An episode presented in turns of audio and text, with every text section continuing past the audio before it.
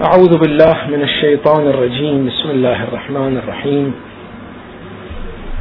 والحمد لله وصلى الله على خير خلقه وأكرم بريته. حبيبنا وحبيب إله العالمين. محمد وعلى آله الطيبين الطاهرين.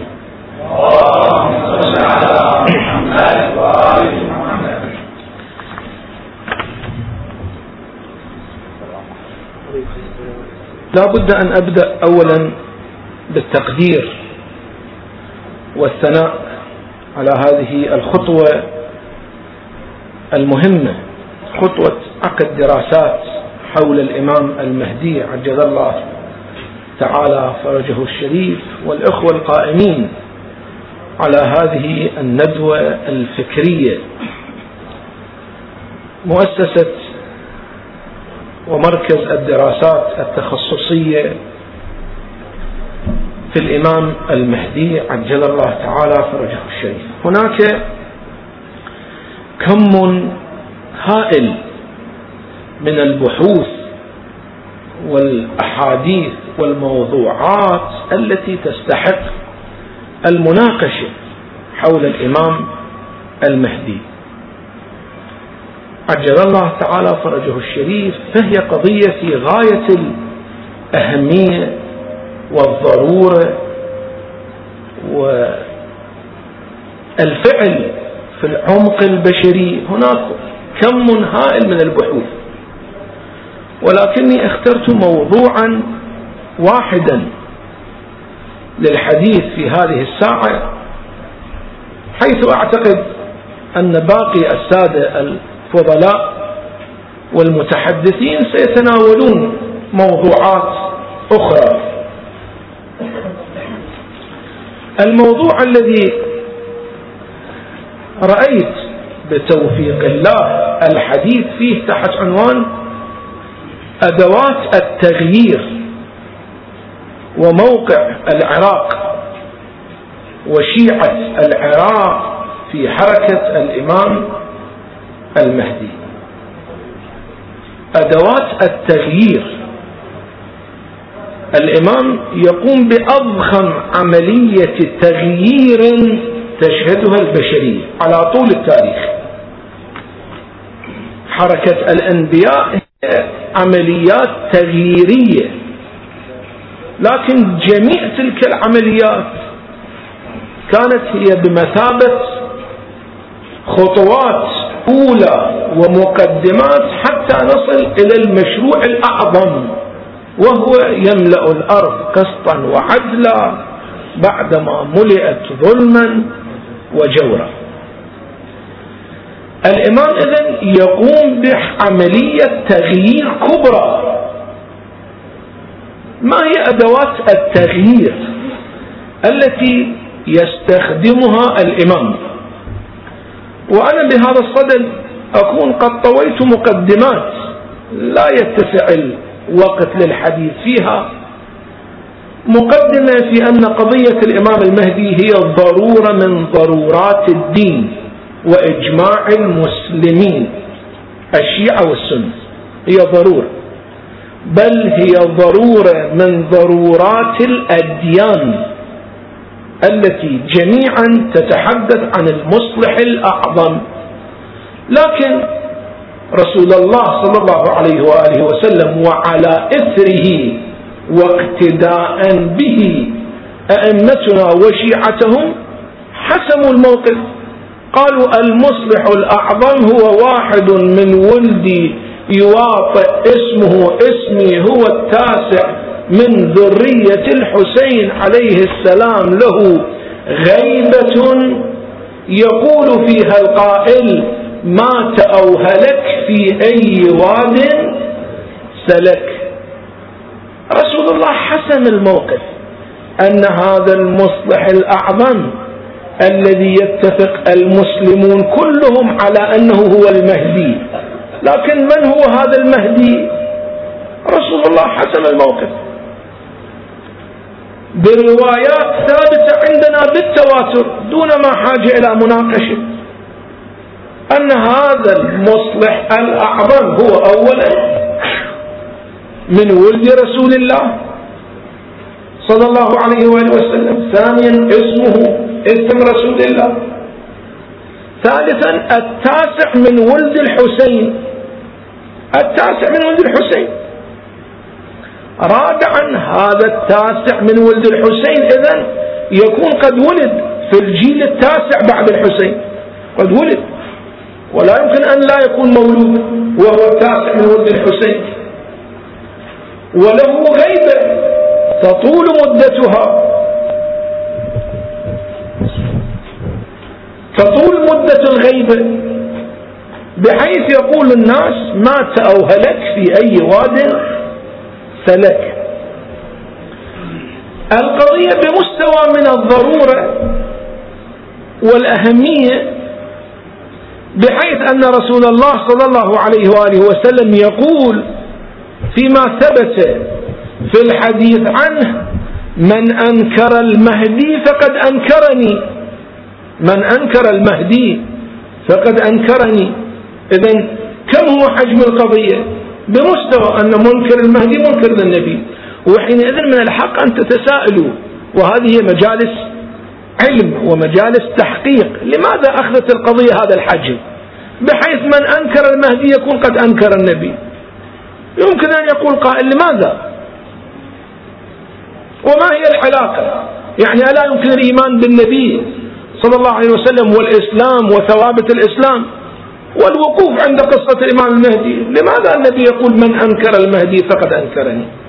ما هذا الحجم الذي أعطاه الحديث الثابت لقضية الإمام المهدي ولماذا؟ هذا أيضا يحتاج إلى بحث وتحقيق.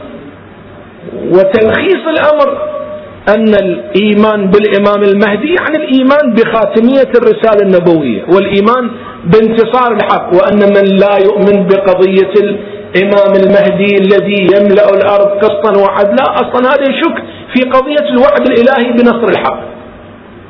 وبالتالي هو يشك في نبوة النبي ويشك في نبوة النبوات نبوة الأنبياء جميعا. حينما لا يؤمن الإنسان بقضية المهدي يعني التشكيك في جميع الوعود الإلهية والنصوص الثابتة في أن الحق سينتصر. الحق ينتصر. كلمة الله هي العليا. إذا شككنا في أن عاقبة الأرض ونهايتها للإمام المهدي وللمصلح الأعظم. هذا معنى نحن نشك في وعد الله تبارك وتعالى الذي قال ولقد كتبنا في الزبور من بعد الذكر أن الأرض يرثها عبادي الصالحون أو وعد الله الذين آمنوا وعملوا الصالحات ليستخلفنهم في الأرض معنى التشكيك في هذه وهذا التشكيك فيها يعني التشكيك في النبي صلى الله عليه وسلم على كل حال. هذا البحث إلى آفاق سياسية مهمة. يعني نحن نتعامل مع قضية الإمام المهدي ليس مجرد قضية فكرية هي قضية فكرية وهي قضية في عمق ديننا وهي قضية في عمق حركتنا السياسية في عملية التغيير البشري. والآن هذه القضية تتحرك على الأرض والحديث أنا موفر لأن أطويه طيا سريعا وهناك يعني شأن واسع للحديث في يعني الامتدادات السياسية لقضية الإمام المهدي عجل الله تعالى فرجه الشريف. جيد.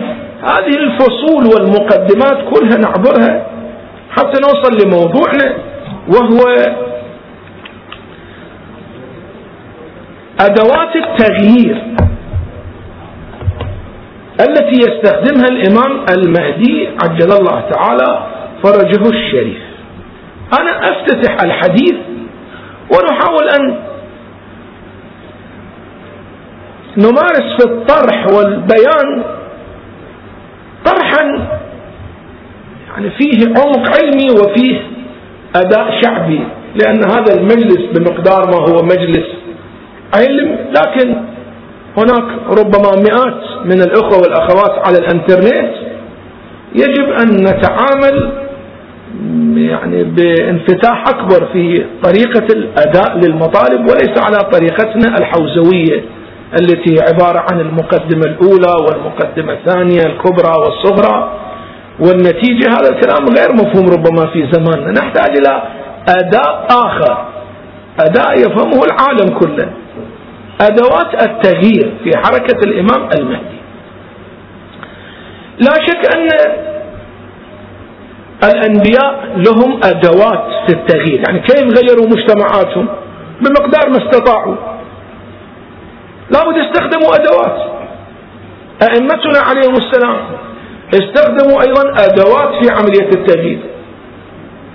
الإمام المنتظر له أدوات في عملية التغيير. ما هي هذه الأدوات؟ ما هي هذه الأسلحة التي يستخدمها الإمام في عملية التغيير؟ هل هي أسلحة نووية؟ هل هي أسلحة بيولوجية؟ أصلا هل هي أسلحة عسكرية؟ هي أدوات ثقافية؟ هي أدوات إعجازية؟ أم شيء آخر؟ هذا ما أريد أن نبحث لاحظوا الأنبياء. أولا لنقف عند الأنبياء. نحن نجد أن القرآن الكريم في طرح وشرح لمسيرة الأنبياء هكذا يقرر أن الأنبياء استخدموا الأدوات الطبيعية في التغيير وكانت دور السماء ودور الأدوات الإعجازية هو دور الإسناد. يعني الأصل في عملية التغيير الأدوات الطبيعية البشرية والأدوات الإعجازية دورها دور الإسناد والدعم. كيف اليوم إذا نريد نستخدم ونستعير هذا المصطلح من الشأن العسكري؟ كيف عندنا المشاة يتقدمون؟ وبحاجة إلى إسناد مدفعي وإسناد جوي. أصل عملية الزحف يجب أن تكون زحف مشاة يعني ما يمكن تحرير منطقة إذا ماكو مشاة لكن المشاة إيش يحتاجون؟ يحتاجون إسناد. إسناد جوي تغطية جوية وإسناد مدفعي أيضا صحيح تمام؟ ولو أنا ما داخل بالجيش العراقي ولا الجيش الإيراني. بس أفترض على كل حال هذه معلوماتنا أنه لا بد من مشاة ولا بد من إسناد. مدفعي وإسناد جوي. حركة الأنبياء اعتمدت بالدرجة الأولى على المشاة يعني الحركة البشرية في التغيير ودور السماء دور الأدوات الإعجازية هو دور الإسناد وليس هو الأصل. الأصل البشر يجب أن يتقدم. الأصل البشر. هذا كقانون ونظرية القرآن الكريم يطرح في قوله تعالى إن الله لا يغير ما بقوم حتى يغيروا ما بأنفسهم. هذا القانون. تطبق على حركة الأنبياء وسؤالنا اليوم أنه يطبق على حركة الإمام المنتظر أو ما يطبق؟ وراح نشوف أمامنا مجموعة ظواهر غير طبيعية هي إعجازية في حركة الإمام المنتظر. إذا الإمام هل يعتمد على الأدوات الطبيعية؟ لو يعتمد على الأدوات الإعجازية. رسول الله في معركة بدر وأحد والخندق وما شاكل اعتمد على الأدوات الطبيعية بالأصل البشرية لو على الأدوات الإعجازية قد تقول الله أنزل الملائكة عليه صحيح الله أنزل الملائكة في معركة بدر أنزل الملائكة في معركة حنين في معارك الله أنزل الملائكة جيد يمددكم ربكم بألف من الملائكة مردفين صحيح لكن الدور الأصل كان علما كان للعامل البشري. كان للعامل البشري. حينما تهيئوا أصحاب بدر أصحاب رسول الله صلى الله عليه وسلم حينئذ جاء المدد. بلى إن تصبروا وتتقوا يمددكم ربكم. لاحظوا؟ الطليعة البشرية ثم يأتي الإمداد السماوي. حركة الأنبياء أيضا كذلك. قد تقول عجبا موسى استخدم العصا. فإذا هي تلقف ما يأفكون. لو كان هذا المجلس والوقت يتسع إلى أربع ساعات كنا نتحدث عن هاي القصص والشباب يرغبون في هاي القصص. خصوصا ذولاك اللي قاعدين في أوروبا وأستراليا وما شاكل ذولاك يحتاجون إلى مثل هذه القصص التاريخية. أما الحديث العلمي النظري يكون متعب بالنسبة لهم. موسى عليه السلام ألقى عصاه فإذا هي تلقف ما يأفكون. حتى موسى نفسه خاف. عجيب. طبعا أنا يعني أستخدم الإصطلاح القراني فاوجد في نفسي خيفة موسى هي كانت عصابي اذا تحولت إلى ثعبان. أكل كل هاي الثعابين. موسى ما عنده شيء سابقا. حق أيضا الرجال. بغض النظر عن التفسير الكلامي. أنه خاف على نفسه خاف على قومه خاف على دينه. أنا الآن مو بهذا الصدد. لكن موسى استخدم اداه إعجازية صحيحة ومو صحيح صحيح. اضرب بعصاك البحر فانفلق فكان كل فرق كالطود العظيم. جيد عصا هذه أداة إعجازية صارت. عيسى عليه السلام أداة إعجازية. ما قتلوه وما صلبوه ولكن شبه له. مولود من غير أب. هذه كلها أدوات إعجازية. إبراهيم عليه السلام حينما ألقي في النار حينما ألقي في النار أيضا الله تبارك وتعالى جعلها بردا وسلاما على إبراهيم. وجيد هذه أدوات طبيعية له أدوات إعجازية. هذه ما كانت عبارة عن اعرض خدمتكم قنابل ثانية أكسيد الكربون إجت أطفأت النار. الآن أكو اطفائيات ثانية أكسيد الكربون. طائرات تلقي ثاني أكسيد الكربون على النار تنطفي النار. القرآن يقول أن هاي النار ما انطفت. لو كان انطفت النار قد يقول قائل أن ريح حبت أو ثاني أكسيد ثاني أكسيد الكربون وما شاكل ذلك. هذه أطفأها أكسجين ما كنت انطفت. لا نفس النار جعلها الله تعالى بردا وسلاما على إبراهيم. وجيد هذه أدوات إعجازية. إذا حركة الأنبياء اعتمدت الأدوات الإعجازية صح ولا مو صح؟ الجواب لا مو صح الجواب أن حركة الأنبياء اعتمدت الأدوات الطبيعية وكان دور الأدوات الإعجازية هو دور الإسناد يعني إبراهيم عليه السلام ملائكة اجوا كسروا الأصنام أو إبراهيم أخذ الفاس وكسر الأصنام. إبراهيم أخذ الفاس وكسر الأصنام. صحيح ولهذا بعدين ألقي القبض على إبراهيم ألقي القبض على إبراهيم قالوا من فعل هذا بآلهتنا؟ قال بل فعله كبيرهم. إن كانوا ينطقون. إذا القضية بشرية. وهنا إبراهيم كان وحيدا يبدو إبراهيم حتى جماعة ما عنده. يعني التاريخ ما يتحدث أنه أكو يا مثلا أربعين واحد خمسين واحد ألف واحد. يبدو ماكو أحد. يبدو هذا إبراهيم حتى اثنين أعوان يروحون يكسرون الصنم ما عنده. يعني حقيقة يبدو وحده. وإلا على الأقل النبي ما يروح هو يكسر الصنم. تمام؟ بإيده لابد يدز واحد من أعوانه. هالمقدار يبدو إبراهيم ما كان عنده. حينما ألقي في النار هذه أدوات طبيعية. ألقي في النار إبراهيم هنا مارس ممارسة كمال بشري ارتباط بالله تبارك وتعالى. مارس. رقي بشري حينما جبرائيل تكلم معه قال يا إبراهيم لك حاجة عندي. قال أما إليك.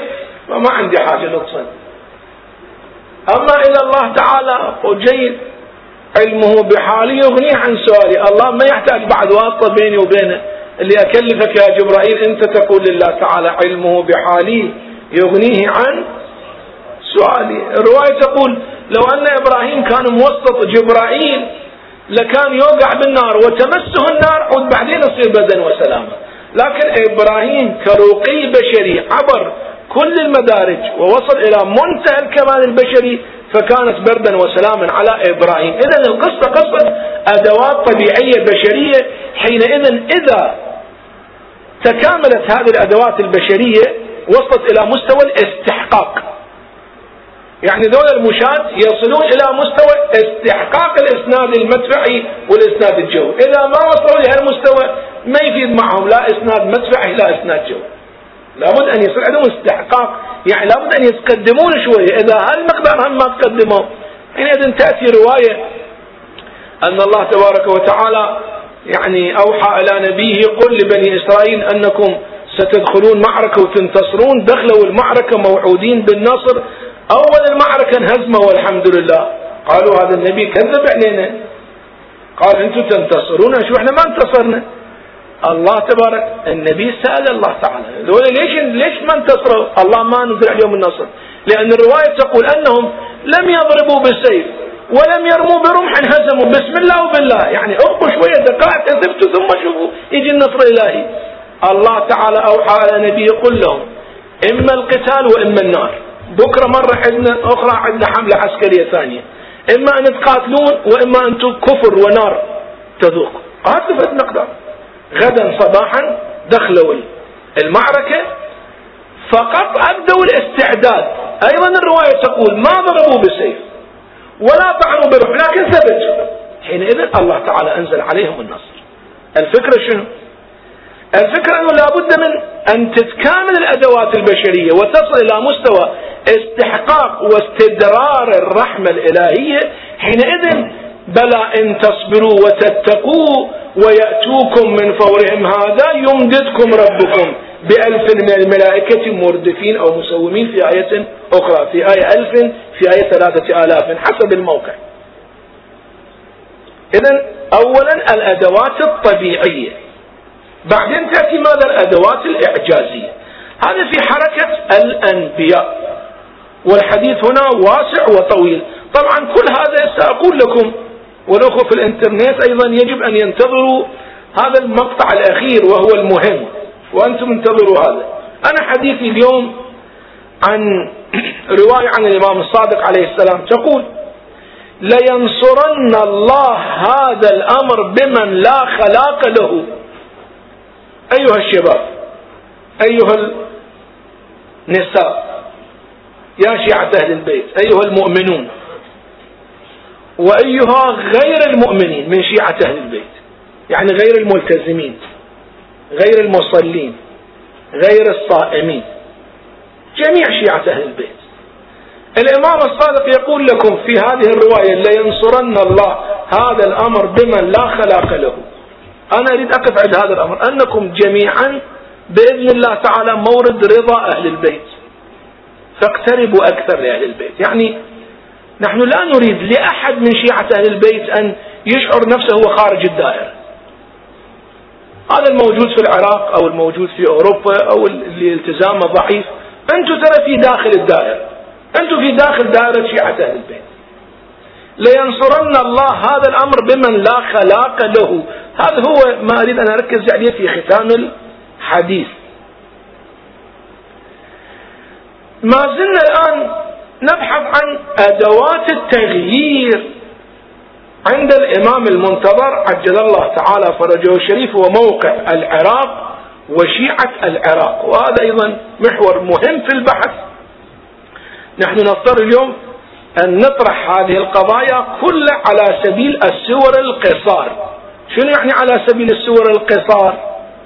واكو عندنا في القرآن الكريم سور قصار واكو عندنا سور شنو؟ طوال سور الطوال تقرأ سورة البقرة. سور قصار قل هو الله أحد وخلص. إنا أعطيناك الكوثر وخلص. ذاك إمام الجماعة أول يوم قرأ سورة البقرة. المصلين مساكين باقين بالركعة الأولى ثلاث أربع ساعات هذا الآن خلص سورة البقرة. إلى أن خلص. بكرة إجا بسم الله الرحمن الرحيم يقرأ سورة الفيل. ذول بعضهم لقدام قطع الصلاة قال إذا هو البقرة ثلاث ساعات ما خلصت يقرأ سورة الفيل هو ما يدري سورة الفيل سطرين. إحنا اليوم حديثنا كله على سبيل السور القصار. كلها رموز ننطيها حتى نعبر لأن هذه موضوعات كثيرة ومهمة. موقع العراق شيعة العراق الكوفة السهلة النجف محور حديثنا أدوات التغيير ولينصرن الله. هذا الأمر بمن لا خلاق له. يعني بذول الشيعة الطبقة العامة اللي هذا بحث في الحقيقة دور العوام ودور الخواص. دور العوام ودور الخواص. أيها العوام أنتم هواي محبوبين عند أهل البيت؟ ولكم دور عظيم في نصرة أهل البيت. ولتصورون أن الجنة بس إحنا طلاب الحوزة العلمية نبقى بها وندخل بها. إذا بس طلاب الحوزة العلمية يدخلون بالجنة إذا نحن على ساحل من سواحل من ترسل. زين هاي الجنة من راح يدخل بها؟ الجنة للعوام مو للخواص فقط. خواص على عين إن شاء الله يدخلون الجنة. لكن العوام هم الأصل. العوام هم الذين ينصرون صاحب العصر والزمان. العوام. العوام هم الذين نصروا حركة التغيير الآن في العراق. هذه الانتخابات الأخيرة كيف انتصرت؟ لينصرن الله هذا الأمر بمن لا خلاق له. صح لو مو صح؟ شفتوا حتى السافرات نزلوا بالانتخابات. هذا تعرفون هذا كان من أعظم الجهاد؟ من أعظم الجهاد. ربما ذاك اللي يصلي صلاة الليل وما شارك في الانتخاب هذا يكون يوم القيامة يقف صفا طويلا للحساب. وذيك الإمرأة السافرة اللي شاركت في الانتخاب وأطاعت واتبعت المرجعية ممكن تتقدم يوم القيامة سريعا لأنها أطاعت الله ورسوله وأولي الأمر. أكو مقاييس عندنا في الإسلام مهمة ليست مقاييس شكلية مقاييس حقيقية. لينصرن الله هذا الأمر بمن لا خلاق له. هذا لا يعني طبعا أن نستصغر حجم الأعمال العبادية أو دور العلماء أو دور الخواص. لا هذا ما أقصد هذا. أقصد أن هذا له أهميته. وذاك أيضا إلى أهميته الأخرى. وسوف أحدثكم إذا وسع الوقت وما أظنه يتسع عن خصائص الشعب العراقي والتي هي ثلاث خصائص الخصوصية الأولى الولاء الخصوصية الثانية الفداء الخصوصية الثالثة الإطاعة للعلماء. هذه خصائص للشعب العراقي. واللي استطاع أن يقوم بهذه الملحمة الكبرى السياسية ويتأهل تدريجيا لقيادة حركة التغيير في المنطقة ثم في العالم بإذن الله تعالى. وهذا ما أريد أتحدث عنه إن شاء الله تعالى. أدوات التغيير التي يستخدمها الإمام المنتظر عجل الله تعالى فرجه الشريف. أمامنا في الحقيقة مجموعة كبيرة من أدوات التغيير يستخدمها الإمام بحيث الإنسان إذا تعامل مع هذه المجموعة من أدوات التغيير. يقول أن الإمام صاحب العصر والزمان يعتمد على أدوات إعجازية والسلام وأن طريقة التغيير عند الإمام المنتظر هي اعتماد الأدوات الإعجازية على غير ما هي طريقة الأنبياء. طبعا أنا لابد أستدرك حتى لا يأخذ البعض إشكال أنه عندنا فقط اثنين من الأنبياء كانوا يمثلون حالة استثناء وهم داود وسليمان. ذولاك ما استخدموا أدوات طبيعية وإنما استخدموا جن وشياطين ورياح وما شاكل ذلك. هذا أيضا لحكمة لماذا الله تبارك وتعالى من بين سائر الأنبياء انطى الملك رب هب لي ملكا أو لا ينبغي لأحد من بعدي. سليمان لماذا؟ هذه قضية استثنائية. كأن الله تبارك وتعالى يريد أن يقول أنه الأنبياء عندهم قدرة على أن يحكموا. الدين عنده قدرة على أن يحكم. ولو ولو أراد الله تبارك وتعالى لفعل ذلك كما فعل في سليمان وفي داود. ويتصوروا أن الدين دائما يجب أن يكون مضطهدا ومظلوما وغير قادر على أن يحكم لأن الحكم دائما يحتاج لفد واحد قاسي القلب وما شاكل ذلك والأنبياء ما عندهم قدرة. أقول الآن حديث مطروح في أن الدين وأهل الدين أصلا قدرة على الحكم ما عندنا هذول خوش وادم والملك يريد لواحد مو خوش آدمي جيد. إذا كان الأمر كذلك إذا عليش إحنا متعبين نفسنا وحتى الدين يحكم والعلماء مثلا يكونوا يكونوا هم على رأس التوجيه الاجتماعي.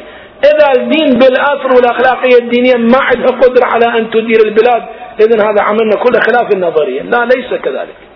قصة داود وسليمان نموذج الله تبارك وتعالى رسمه ليقول لنا والله العالم أن الأنبياء والدين له قدرة على أن يحكم لو أراد الله ذلك. لكن الله يريد أن يستخدم الأدوات الطبيعية. إن الله لا يغير ما بقوم حتى يغيروا ما بأنفسهم. لو بقينا أمام حشد كبير من الروايات في حركة صاحب العصر والزمان لوجدنا أنها تجرنا إلى القول أن صاحب العصر والزمان يعتمد الأدوات الإعجازية في التغيير. وأنا الآن أقرأ لكم دون أن أقرأ نص الروايات وإنما أقرأ لكم سلسلة سريعة من الأفكار المذكورة في الروايات في الأدوات التي يستخدمها صاحب العصر والزمان. الرعب الرعب يمشي بين يديه مسيرة شهر بحيث تسقط الحصون والجبهات وتنهزم أمام حركة صاحب العصر والزمان بالرعب. الملائكة. حين حينما يخرج عجل الله تعالى فرجه الشريف يسند ظهره إلى البيت الحرام يعني. ويقول من أراد أن يحاجني بآدم فأنا أولى بآدم بإبراهيم فأنا أولى بإبراهيم. فيهبط عليه جبرائيل بأربعين ألف ملك يبايعه وهو في البيت الحرام. إسناد ملائكي. هذا ليس إسناد إعجازي. أربعة آلاف في رواية وأربعون ألف في رواية. النداء من السماء. لا يبقى أحد في الدنيا في كل الدنيا إلا ويسمع صيحة من السماء. هذا خليفة الله في الأرض. هذا هو المهدي. أكو في نفس الوقت صيحة ثانية سأحدثكم عنها في يعني ما بعد هذا المقطع. اكو نداء يكون في أول النهار اكو نداء يكون في أول الليل. نداءان متضادان والناس يتصورون أنه اثنين من السماء بينما واحد من من السماء وواحد منهم من فضائية الجزيرة. واحد من السماء والثاني من فضائية الجزيرة. هسه اسولف لكم شلون هذا من فضائية الجزيرة. نداء من السماء. جيد هذه أدوات إعجازية. السحاب. الروايات تقول أن الله تبارك وتعالى يسخر له السحاب الصعب مو الذلول. يعني ذاك السحاب الذلول الله سخره لذي القرنين لسليمان لداود تجري الرياح السحاب. لكن قائمكم يركب السحاب الصعب. يركب. بأي معنى يركب؟ يعني حقيقة يركب على السحاب أو يستخدم هذه الأدوات. هذا الآن خلينا نمر عليهم مرورا سريعا. قد يقول قائل جيد إذا يركب السحاب هذه أدوات إعجازية مو أدوات طبيعية. الخسف في أول مواجهة عسكرية وهذا حديث جميل جدا أن الإمام يخوض مواجهات عسكرية في أول مواجهة عسكرية بين السفياني وبين جيش الإمام المنتظر. جيش الإمام المنتظر في مكة المكرمة جيش السفياني من المدينة المنورة. ينطلق جيش السفياني من المدينة بحدود ثلاثة آلاف فيما أتذكر الرواية هكذا. ثلاثة آلاف مقاتل يلاحقون الإمام المهدي حينما يعرفون أن الإمام انتقل إلى مكة المكرمة واستقر في مكة المكرمة وستكون هي المنطلق لحركته. بينما هم في الطريق في البيداء الله تعالى يخسف بهم الأرض فتبتلعهم الأرض ولا ينجو منهم إلا واحد أو ثلاثة. حتى يرجعون الخبر أنه ترى جماعتكم انتهوا. هذا خسف بالبيداء. هذا خسف بالبيداء. جيد. هذه أدوات إعجازية وليست أدوات طبيعية. وهكذا حينما تتحدث الروايات عن أن الناس عند ظهوره أو قبيل ظهوره يصيبهم الموت الأحمر والموت الأبيض فيموت ثلثاء العالم. ثلثاء العالم يعني في زماننا العالم حوالي ست مليارات يعني أربع مليارات يسلمون عليكم يروحون لذاك العالم. أربع مليارات. صحيح؟ إذا هناك هناك أيادي إلهية تتحرك على الأرض. أيادي إلهية وأدوات إعجازية الموت الأحمر والموت الأبيض. نحن بعض هذه الأبحاث أو كثير منها تناولناها في محاضراتنا في ليالي محرم الحرام حينما عقدنا مقارنة بين حركة الحسين عليه السلام وبين حركة الإمام المهدي وكان موضوع محاضراتنا في تلك الليالي. العشر هو الحركة الإصلاحية من الحسين إلى المهدي دراسة في الأهداف والنتائج والمناهج. تناولنا كثير من هذه الأبحاث بطريقة أخرى هناك. اليوم لا نستطيع بمقدار ما أعد له هذا البرنامج أن نقف عند تفاصيلها. الموت الأحمر ماذا يعني؟ الموت الأبيض ماذا يعني؟ ربما والله العالم إذا أردنا أن نمشي مع ال يعني مع الأوضاع المادية والتقلبات المادية ربما يكون الموت الأبيض هو عبارة عن مرض الإيدز في هذا الزمان. ممكن. طبعا إذا أردنا أن ننفتح لمثل هذه التأويلات مرض الإيدز في هذا الزمان. إذا افترضنا أن مرض الإيدز ما يمكن مواجهته والغرب انفتحوا على العالم بهذا الاستهتار الأخلاقي. معنى هذا أنه إحنا اليوم عندنا حوالي 20 مليون مصاب بالإيدز 20 مليون فجأة وعلى طريقة المتوالية الهندسية وليس العددية. يصيرون 200 مليون 200 مليون فجأة يصيرون مليارين. مليارين فجأة يطفرون إلى أكثر من ذلك. هذا مرض الإيدز. هذا الموت الأبيض. الموت الأحمر ممكن يصير حروب وقتال وما شاكل ذلك. هذا لا أدعي أنه تفسير وأنا مو بهذا الصدد في الحقيقة. بصدد استعراض مجموعة أفكار تطرحها الروايات. نريد نكون النظرية فيما بعد. إحنا هدفنا أن نكون النظرية. والمهم أن ما نناقش وحدة وحدة من الروايات. بالمجموع النهائي أي نظرية راح نطلع فيها الإمام يستخدم أدوات إعجازية أو يستخدم أدوات طبيعية. الآن هذا الذي نقرأه عبارة عن أدوات إعجازية. يموت ثلث الناس. موت أحمر موت أبيض. الإمام يهبط إلى العراق على يهبط إلى العراق كما تقول الرواية على سبع قباب من نور. إذا هذه أدوات إعجازية إذا بقينا مع ظاهر هذه الرواية. هذه أدوات إعجازية وليست أدوات طبيعية. سبع قباب من نور. يعني رتل عسكري جوي. الإمام يهبط وهو من مكة المكرمة أو من المدينة إلى العراق. وهكذا التحولات الإعجازية التي تحدث في الأرض. تحولات إعجازية جميلة جدا. يعني هي في الحقيقة بمستوى الخيال. بحيث أن هذه الأرض تكون بدرجة من الخصوبة أن المرأة تمشي من العراق إلى الشام. لا تطأ قدمها لا تطأ قدمها إلا على نبات وزرع يعني الأرض كلها خضراء ما شاء الله. الخصوبة والرفاه المعيشي.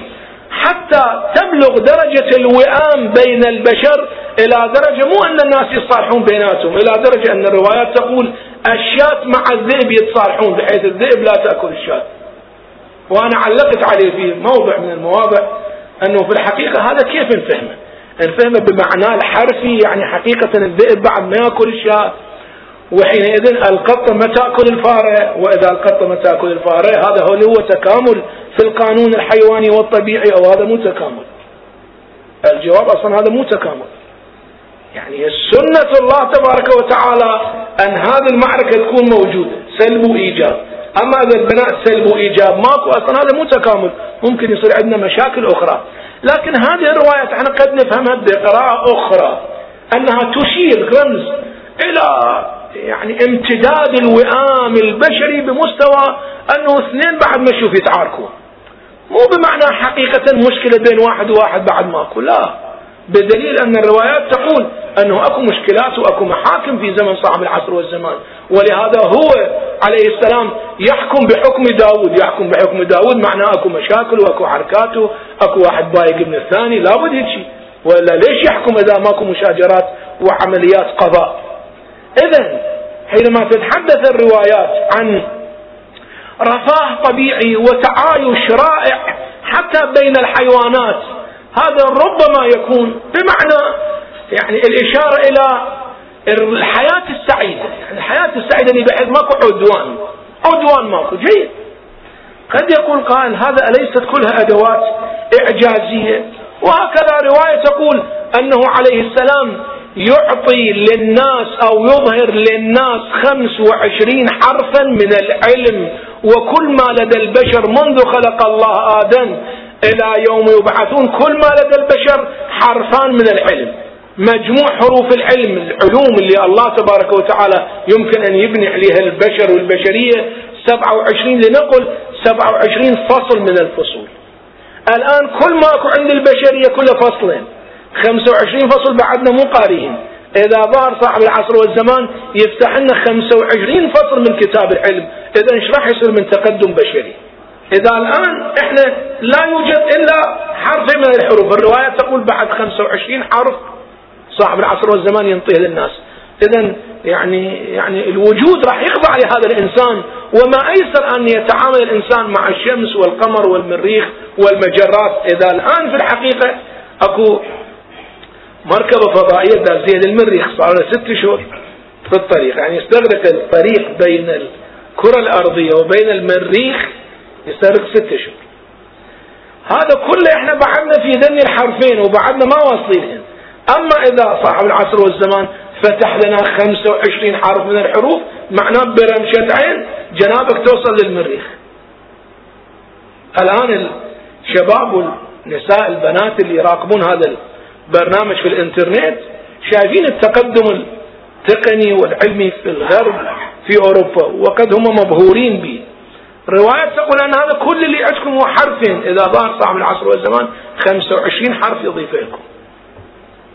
جيد قد يقول قال هذه أدوات إعجازية. فكيف نفهم حركة صاحب العصر والزمان؟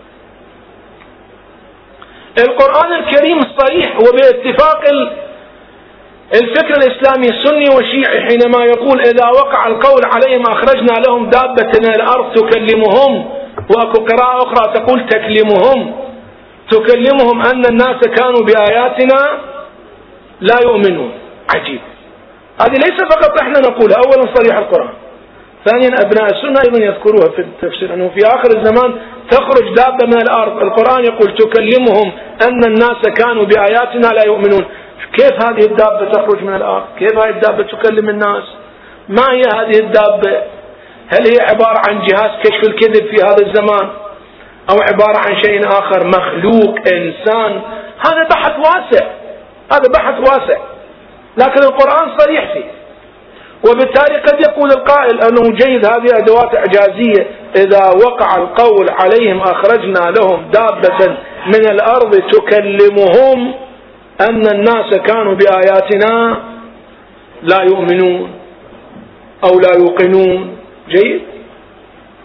لكن هذا هو الاستعراض الأولي أما إذا ننتقل للصفحة الثانية من الاستعراض لحركة الإمام المنتظر عجل الله تعالى فرجه الشريف. الصفحة الثانية تقول أن حركة الإمام المنتظر عجل الله تعالى فرجه الشريف تعتمد الأدوات الطبيعية ودور الأدوات الإعجازية هو دور الإسناد. كيف ذلك؟ لاحظوا الإمام عجل الله تعالى فرجه أول ما يظهر في مكة المكرمة يسند ظهره إلى البيت. جيد؟ تقول الروايات فيلتحق به عشرة آلاف من شيعته. إذا هذه قوات بشرية التحقت. نعم التحقت بإسناد إلهي بسرعة بتقنية عالية التحقت.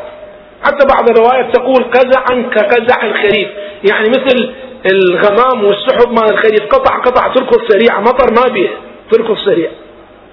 جيد. لكن هي على كل التقادير عشرة آلاف إنسان من شيعته يلتحقون به. يتعبأ الإمام عجل الله تعالى فرجه الشريف للتحرك نحو المدينة المنورة التي قد احتلها السفياني. يومئذ تكون المدينة قد احتلها السفياني والسفياني إما بمعنى أنهم نسبيا من آل أبي سفيان أو بمعنى الانتساب العقيدي. يعني هؤلاء أمويين في الحقيقة وإن لم يكونوا بالنسب. يعني اليوم التيارات السلفية المعادية الوهابية هي تيارات سفيانية في الحقيقة حتى وإن لم تكن نسبيا. إحنا يجب أن نفهم الأمور باستحقاقات اللغوية والعربية ولا نكون حرفيين جدا. والقرآن الكريم يفتح لنا واللغة العربية تفتح لنا مثل هذه ألسعة في فهم القضايا. الإمام يتجه نحو المدينة المنورة للدخول في معركة مع السفياني فيوكل على مكة المكرمة وكيلا بمجرد أن يطلع الإمام من مكة المكرمة. متجه المدينة يقوم الأشرار على هذا الوكيل ويقتلوه. فيرجع الإمام المنتظر. يعني من اتجاه المعركة نحو المدينة يرجع مرة أخرى لإحكام السيطرة على مكة المكرمة. هذه شو تسموها؟ أدوات طبيعية وأدوات إعجازية؟ هذه معركة أدوات طبيعية غالب ومغلوب وقاتل ومقتول وما شاكل ذلك. صحيح؟ بعد أن تسقط المدينة المنورة أو لنقل تحرر المدينة المنورة. وهذه أول خطوة عسكرية يقوم بها الإمام. وأنا أستعرض الروايات في الحقيقة. تبدأ الخطوة الثانية هي الاتجاه نحو العراق ويكون العراق يومئذ ساقطا بيد السفياني فتشتبك قوات مسلحة عظمى للإمام المنتظر في الكوفة مع قوات السفياني وتكون معركة محتدمة حتى تحرر الكوفة على يد الإمام المنتظر عجل الله تعالى فرجه الشريف هذه أدوات طبيعية وليست أدوات إعجازية. هذه معركة في الحقيقة في الكوفة ستكون. الإمام يجعل وهذا حديث شيق وجميل إلى الأخوة العراقيين. الموجودون هنا الموجودين هنا والموجودين في الخارج وقلوبهم تعطف على العراق وتشتاق إلى العراق. الرواية تقول أن صاحب العصر والزمان ستكون الكوفة هي دار ملكه يعني العاصمة. وستكون السهلة هي منزل أهله يعني بيته بالسهلة وتضيق الكوفة بأهلها وبالزوار وملايين الزوار راح يجون. تضيق بهم الكوفة. حتى يبني الإمام خارج الكوفة باتجاه نجف كوفة. باتجاه كوفة نجف. حتى يبني في ظهر الكوفة مسجد له ألف باب. ألف باب. ألف باب يعني أضخم مسجد عالمي. ألف باب بمعنى يتسع لعشر ملايين. لأن يعني كل باب تصمم إلى عشرة آلاف. الآن في المسجد النبوي الله يرزقكم زيارة المدينة المنورة ومكة المكرمة.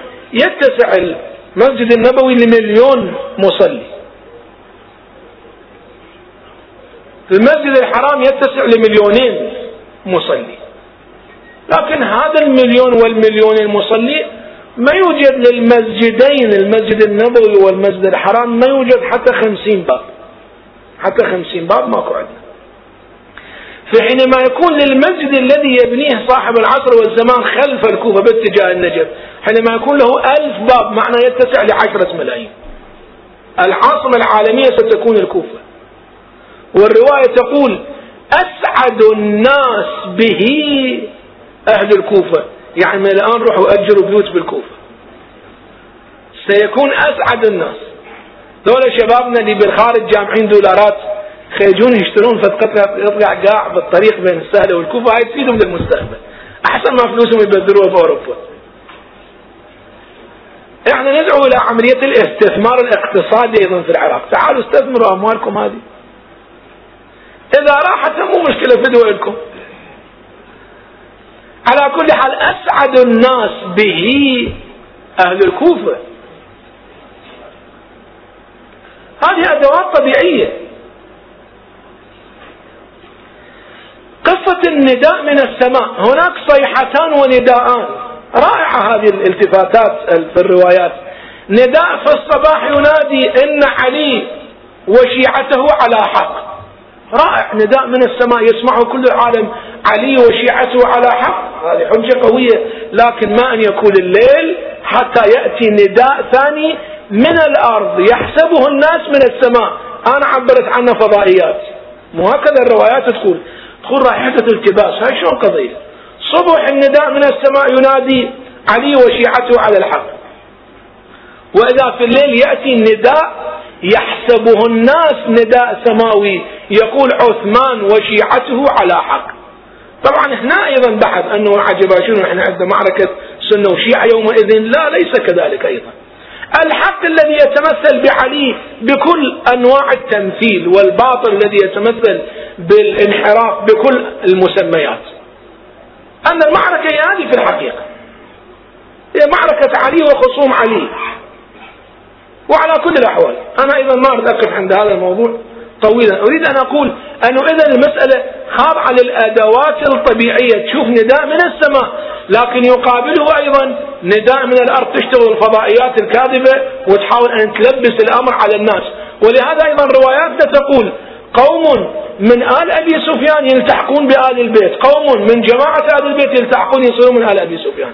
إذا القضية فيها فتنة فيها التباس. مو القضية بهالشكل بحيث خارج عن الأدوات الطبيعية وأدوات التغيير الطبيعي. أبدا خاضع لأدوات التغيير الطبيعي. تقتنع ما تقتنع الله يهديك الله ما يهديك. ليست القضية قضية سماوية فجأة يتحولون الناس كلهم إلى يصلون صلاة الليل وخوشواتهم لا ليس كذلك. قتال وفضائيات معركة إعلامية ومعركة سياسية هذه كلها أيضا تشتغل. لكن بحمد الله تعالى شوفوا دوركم ودور شيعة أهل البيت ما هو في هذه المعركة؟ أنا الاستئناس والتبرك في الحقيقة أقرأ لكم بعض الروايات والوقت لا يسعني.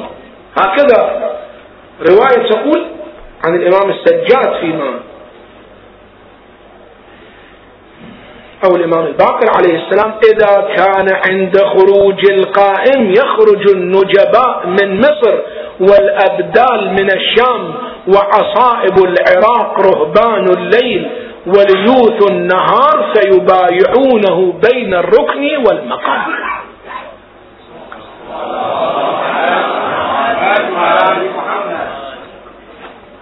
عصائب العراق. رهبان الليل ليوث بالنهار يبايعونه بين الركن والمقام. عن الإمام السجاد عليه السلام إذا قام قائمنا أذهب الله عز وجل عن شيعتنا العاهة وجعل قلوبهم كزبر الحديد. الآن ألا ترون أنتم ذلك فعلا؟ أنتم جاي تقتربون بس ما تدرون. الآن بحمد الله قلوبكم صايرة كزبر الحديد.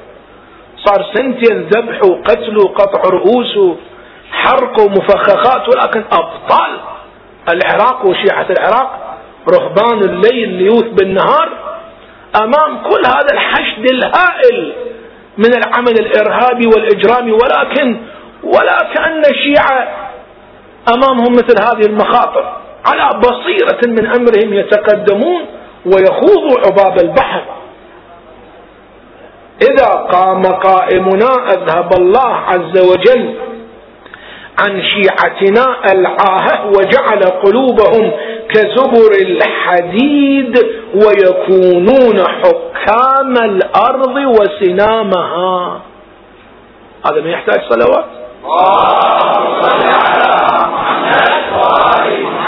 طبعا هذا يحتاج صلوات وأمور مضت عليكم قضاء الصلوات. ما صليتوا فيه؟ اللهم صل على محمد محمد حينما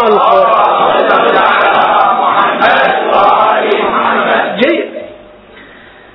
عصائب العراق الطبيعية بإسناد أدوات التغيير الإعجازية. واحد. اثنين العراق سيكون منطلق لحركة الإمام العالمية. سيكون منطلق لحركة الإمام العالمية. ولا أخفيكم سرا أنه الآن نحن في العراق وكنت أتمنى أن يتسع الوقت لحديث سياسي ثقافي يهتم به العراقيون خاصة اللي في الخارج ما عايشين أوساطنا هنا. أن الآن في الحقيقة قوات الاحتلال تجري تحقيقا وبحثا عن الإمام المهدي في العراق. هذا لا أدري كم أنتم على اطلاع به أو على غير اطلاع. هذه قوات الاحتلال تجري بحثا وتحقيقا عن الإمام المهدي في العراق. هم يدرون القضية. تحقيق عن مكانه أين ترونه في النجف في الكوفة في كربلاء. يلتقي بالمراجع أو لا يلتقي بالمراجع؟ يلتقي بالسيد السيستاني أو لا يلتقي بالسيد السيستاني. هذه يسألون في التحقيق. وأنه ما اللي يستخدمها بحيث يملأ الأرض قسطا وعدلا شنو عنده من أسلحة؟ تعرفون أنتم شيعته ما هي أسلحته؟ هذه يمارسون عمل تحقيقي وهذا العمل ليس عمل ترفي. لا هناك مخابرات عقول قعدت. قرأت كتبنا وقرأت كتبهم التوراة والإنجيل وعارفين أن المنطلق للحكم العالمي هنا سيكون من العراق. إذا لابد من الآن يطوقون هذا التحرك. ولكن يكيدون وأكيدوا كيدا. فمهل الكافرين أمهلهم رويدا. الآن إرهاصات نحن نعيشها إرهاصات وخطوات تقدم نحو امتلاء الأرض قسطا وعدلا. بعض الروايات تقول أنه عند ظهورها عجل الله تعالى فرجه الشريف تخرج الشمس من مغربها. كيف تخرج الشمس من مغربها؟ هذا بحث. هل هناك تحول فلكي؟ أو لا يوجد تحول فلكي؟ أنا لم أجد في الروايات ما أستطيع أن أعتمد عليه للقول بأن هناك تحول فلكي. فأستبعد هذا الأمر. يعني وفق السياقات لحركتنا أنتظر أن لا الدنيا هي الدنيا والسماء هي السماء. يعني لا الشمس تطلع من المغرب ولا القمر يصير أكبر. ولا يصير أصغر. لا. يوم القيامة يصير تحول. صحيح. يوم القيامة تبدل الأرض غير الأرض والسماء غير السماء هذا صحيح. أما حركة الإمام المنتظر هي ما تزال في هذه الدنيا تمام بإسناد إلهي. لكن ما يبدو أن هناك تحول فلكي. وإن كانت تقول بعض الروايات إذا استدار الفلك. إذا استدار الفلك. لكن أيضا نحن نبقى مع القراءة العربية العرفية لهذه الروايات. إذا استدار الفلك يعني شنو؟ يعني شوية خلينا نبتعد عن قراءتنا الحوزوية الفقهية الجافة الحرفية مال سيبويه. نقرأ قراءة عربية. إذا استدار الفلك يعني إذا الدنيا دارت. صح إحنا بنقول أنا إذا الدنيا دارت. إذا الدنيا دارت يعني مو الكرة الأرضية انقلبت تمام؟ اللغة العربية هي تستخدم هذه القضايا. إذا استدار الفلك يعني إذا دارت الدنيا مثلا على أهلها. صحيح. الآن الدنيا جاي تدور بشكل عجيب أيضا. أو إحنا نقول مثلا إذا انقلبت السماء على الأرض. إحنا ما نستخدم مثل هذه الأدوات ومو نقصد حقيقة أن السماء ترتطم بالأرض وأن الكون يتلاشى. لا ما نقصد هذا. ولا ما نقصد أن هناك تحولات وإزعاجات وشدائد بحيث كأن السماء وقعت على الأرض بحيث كأن الفلك دار بأهله. إذا استدار الفلك الآن ما استدار الفلك بنا 1400 سنة؟ ما استدار الفلك بشيعة أهل البيت استدار الفلك. نقرأها قراءة عربية مفهومها القضايا ممكن إذا نبقى مع القراءة الحرفية الحرفية.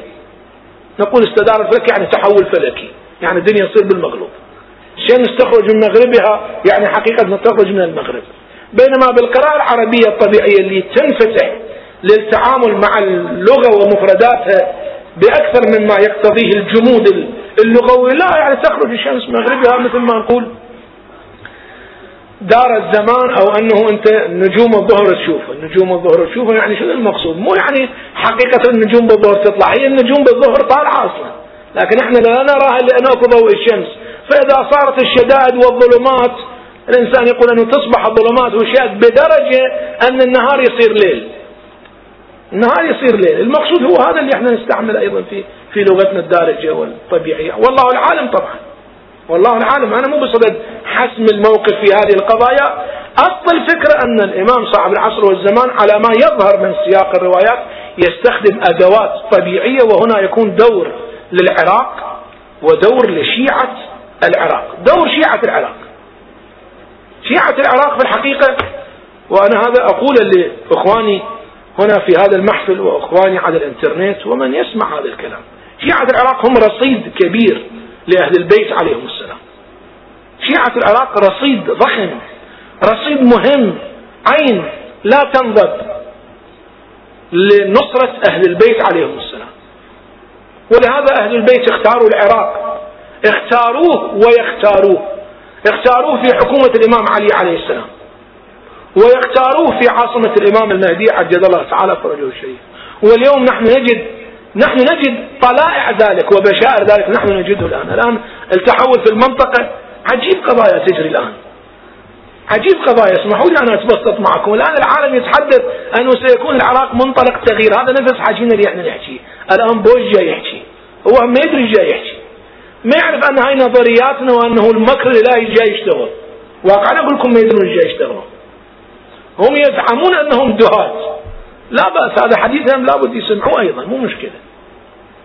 هم يتصورون أنهم دعاة ولكن دعاء الله أكبر. الآن يتحدثون أن العراق سيكون منطلق للتغيير للإصلاح الديمقراطي في المنطقة القضية كلها واضحة عندنا. سيكون هناك إصلاح عالمي منطلقه العراق بإذن الله تعالى.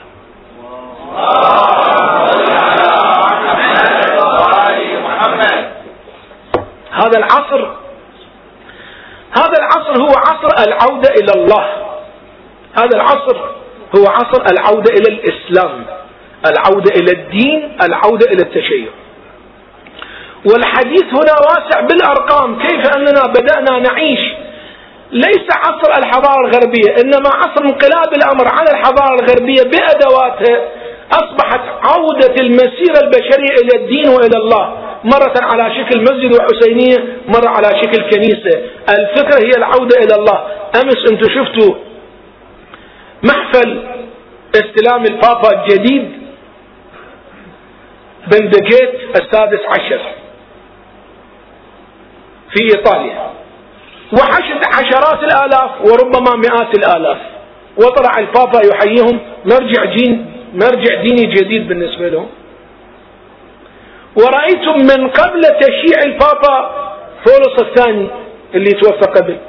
التشييع اللي أيضا شهده مئات الآلاف من الغربين تعرفون أن هذا الأمر كله لم يكن من قبل إنما هذا شغل جديد. هذا شغل أنتم سويتوا مو هم سووا تعرفون شنو القضية؟ القضية أنه نحن بدأنا من القرن الخامس عشر الهجري من بعد تأسيس الجمهورية الإسلامية على يد شيعة أهل البيت. بدأ العالم يحول كل سياساته. أن أكو شيء جديد صاير بالعالم. أكو شيء اسمه الدين يحكم. كيف نعالج هاي القضية؟ أكو شيء اسمه عمامة إجت الحكم. أكو شيء اسمه ابن رسول الله يجي يحكم أكو شيء اسمه مرجعية أكو شيء اسمه حوزة. قبل هاي المفاهيم ولا يعترفون بها ابدا. الآن أصبحوا يفكرون مرجعية شنو خلي نسوي مرجعية؟ أنتم هنا بالعراق جاي يشوفون السنة شو يقولون؟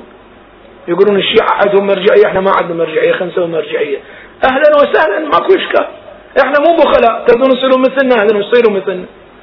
لا بأس. لا بأس. الآن الغرب هم يفكر يسوي عنده مرجعية.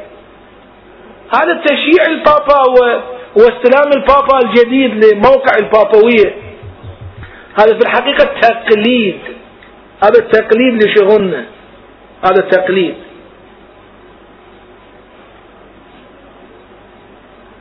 لاحظوا أن جيل الشباب المليوني المعاصر جيل الشباب يريد شيء اسمه الله يريد شيء اسمه الدين. شلون هذا الدين؟ لابد يطوف الطعم خاص. هذا الطعم الإسلام ألقاه في في فطرة وفي قلوب العالم. أنه أكو شيء اسمه دين شيء اسمه الله. أيها العالم أنتم وين رايحين؟ وين تاهين؟ حضارة الغربية كمثل ماء بقيعة يحسبه الظمآن ماء. حتى إذا جاءه لم يجده شيئا ووجد الله عنده فوفاه حسابه. العالم يبحث عن دين. إحنا في العالم الإسلامي وشيعة البيت انطينا للعالم شيء اسمه الدين الآن يردون يقلدون ينطون للعالم شيء اسمه كنيسة شيء اسمه مرجع ديني شيء اسمه تش... شافوا هنا في العراق أيام نظام صدام كل تشييع عالم من العلماء هو بالحقيقة عبارة عن مظاهرة سياسية. أيام نظام صدام. عالم مات. يصير انقلاب. يصير انقلاب في العراق. ولهذا البعض اعترض على تشييع البابا بولس الثاني. طبعا هو هو صادق في في فيما فيما فيما اكتشفه. قال عجيب هذا شنو أنتم ذكرتونا بتشييع الإيرانيين للإمام الخميني عشر ملايين شيعوا؟ أنتم شنو تريدون تسوون بابا هيك وهكذا يريدون. بس ما يقولوا للناس إحنا نريد نسوي شغله وياكم. قضية هذا العصر في الحقيقة هو عصر العودة إلى الدين. العودة إلى الله. الدين جوهره وقلبه هو أهل البيت. وأنا عندي حديث آخر. فقط أطرح عنوانا. ما هي مصادر الطاقة عندنا في مواجهة الغزو الرباعي؟ نحن, نحن الآن نتعرض إلى غزو مربع الأضلاع. غزو رباعي غزو ثقافي. هجوم أخلاقي. نفوذ سياسي. احتلال عسكري. الآن كل واحد منكم أكو مربع شيطاني عليه. غزو ثقافي هجوم اخلاقي نفوذ سياسي احتلال عسكري نفوذ سياسي مثل إيش هذا لابد أطويها طيا. وأرجو أن تتسع صدوركم وصدور الأخوة اللي يسمعون في الإنترنت. وبعد هذا إن شاء الله يتسع الوقت شيئا للإجابة على الأسئلة. الآن على سبيل المثال رامسفيلد طرح على العراقيين أنه أنا لا أسمح لكم أن تقوموا بعملية التطهير السياسي في الدوائر والوزارات. تطهير سياسي يعني شنو؟ يعني جماعة صدام خلوهم بالدوائر. يريد يقول بعبارة أخرى أنهم هم دول ربعنا من أول وما يصير كل ما توخروهم يعني قالوا أنطيناكم مجال بس ما يصير كل ما توخروهم هذا نسميه إحنا النفوذ السياسي محاولة فرض. جيد كيف راح تتعامل الحكومة كيف إحنا نتعامل؟ هذا مؤجل إلى حين لكن العراق الان يواجه احتلال عسكري يواجه نفوذ سياسي بهالشكل. بحيث يستغرب الإنسان حقيقة يستغرب الإنسان. نحن اليوم مثلا التلفزيون كشف عن مقابر جماعية مئات في البصرة والعمارة الله أكبر. بالمقابل يقولون صدام ما يصير إعدام لأنه على خلاف الديمقراطية. يا الله.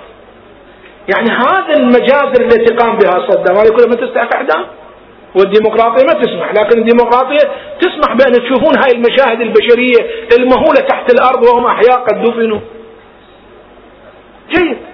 هكذا يتعاملون. نحن ما هي مصادر الطاقة عندنا في مواجهة هذه الهيمنة الرباعية؟ مصادر الطاقة عندنا موجودة. ثقوا أيها المؤمنون أيها السادة الكرام أيها العراقيون وأنتم في المهاجر.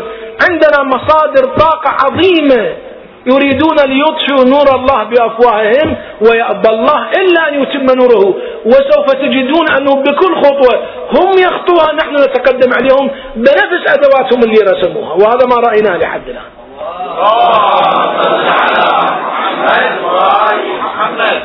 إني تارك فيكم الثقلين كتاب الله وعترتي. كتاب الله وعترتي، إخواننا أبناء السنة غيروها سووها كتاب الله وسنتي. أنتم ابقوا عند كتاب الله وسنتي شوفوا وين توصلوا. كتاب الله وعترتي أنا أتلطف معهم. إحنا شيعة قلوبنا مفتوحة للسنة. نحن الآن نحمد الله تبارك وتعالى أن سنة العراق اكتشفوا الحقيقة والتحقوا بنا والتحقوا بالمرجعية الشيعية والتحقوا بالركب وبقوا مجموعة من كبارهم يتخبطون ما يعرفون يتصرفون. أما المسلمين في العالم يعرفون ماذا صنعته المرجعية الدينية الشيعية. يعرفون هذا الأمر في الحقيقة. إني تارك فيكم الثقلين كتاب الله وعترتي أهل بيتي ما إن تمسكتم بهما لن تضلوا. أبدا كان ختام الحديث وهو جوهر الحديث. والأخوة الآن يفترضون أن الوقت قد انتهى لكن كان جوهره هو مسألة لينصرن الله هذا الأمر بمن لا خلاق له. لا خلاق له وقف المفسرون عندها لا خلاق له إما بمعنى ليس لهم شأن سياسي يعني عوام الناس. أو لا خلاق له يعني لا حظ له من الدين يعني ليسوا من العباد وأهل صلاة النوافل وصلاة الليل.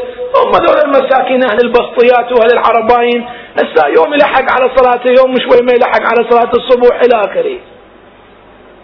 الرواية تقول لينصرن الله هذا الأمر بمن لا خلاق له. هذا الأمر الآن تلمسوه بأيديكم أو ما تلمسوه أنتم بأيديكم.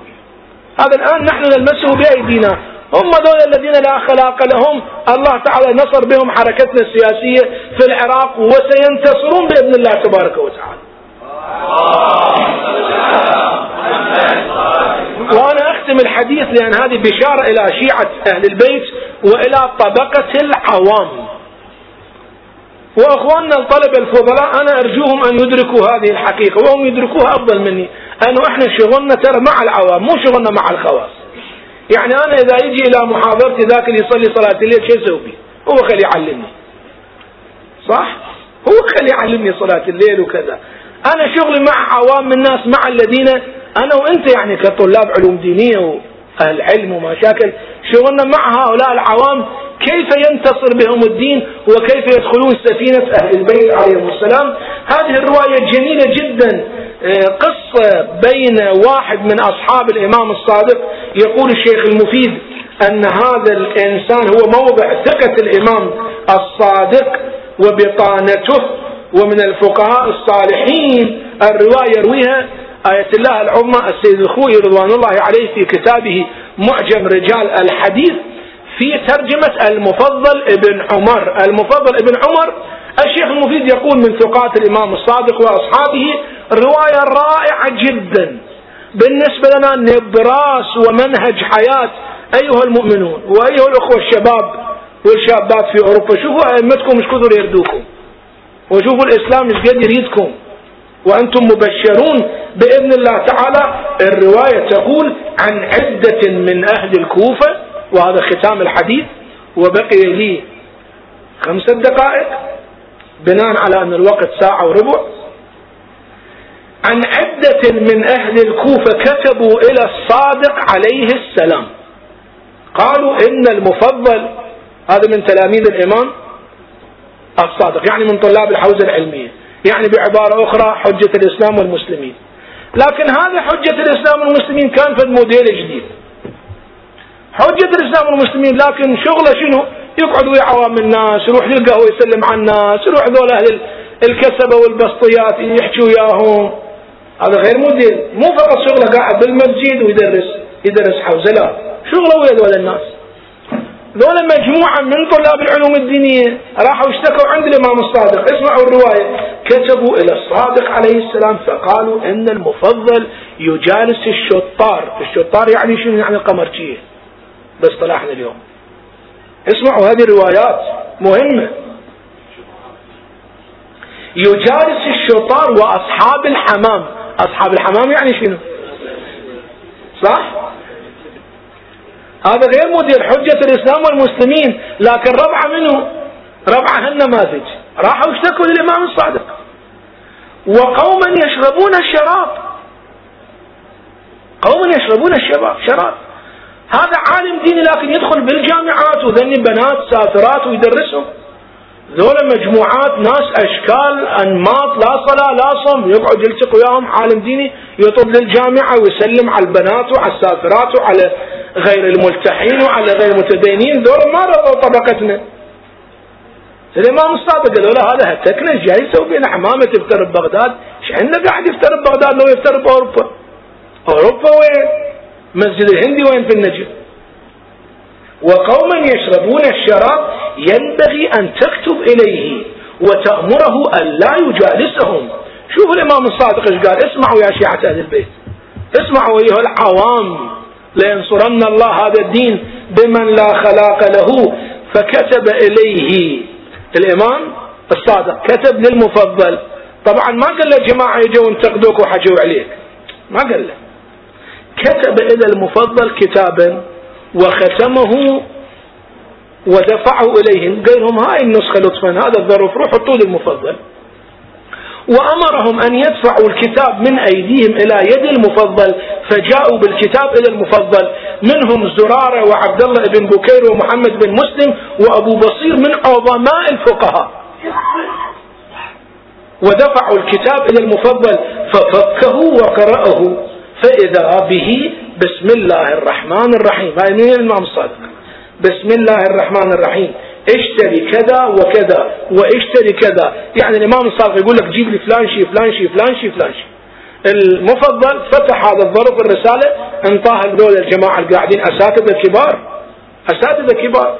قال لهم لطفا الإمام الصادق يقول اشتروا لي هاي الحاجات.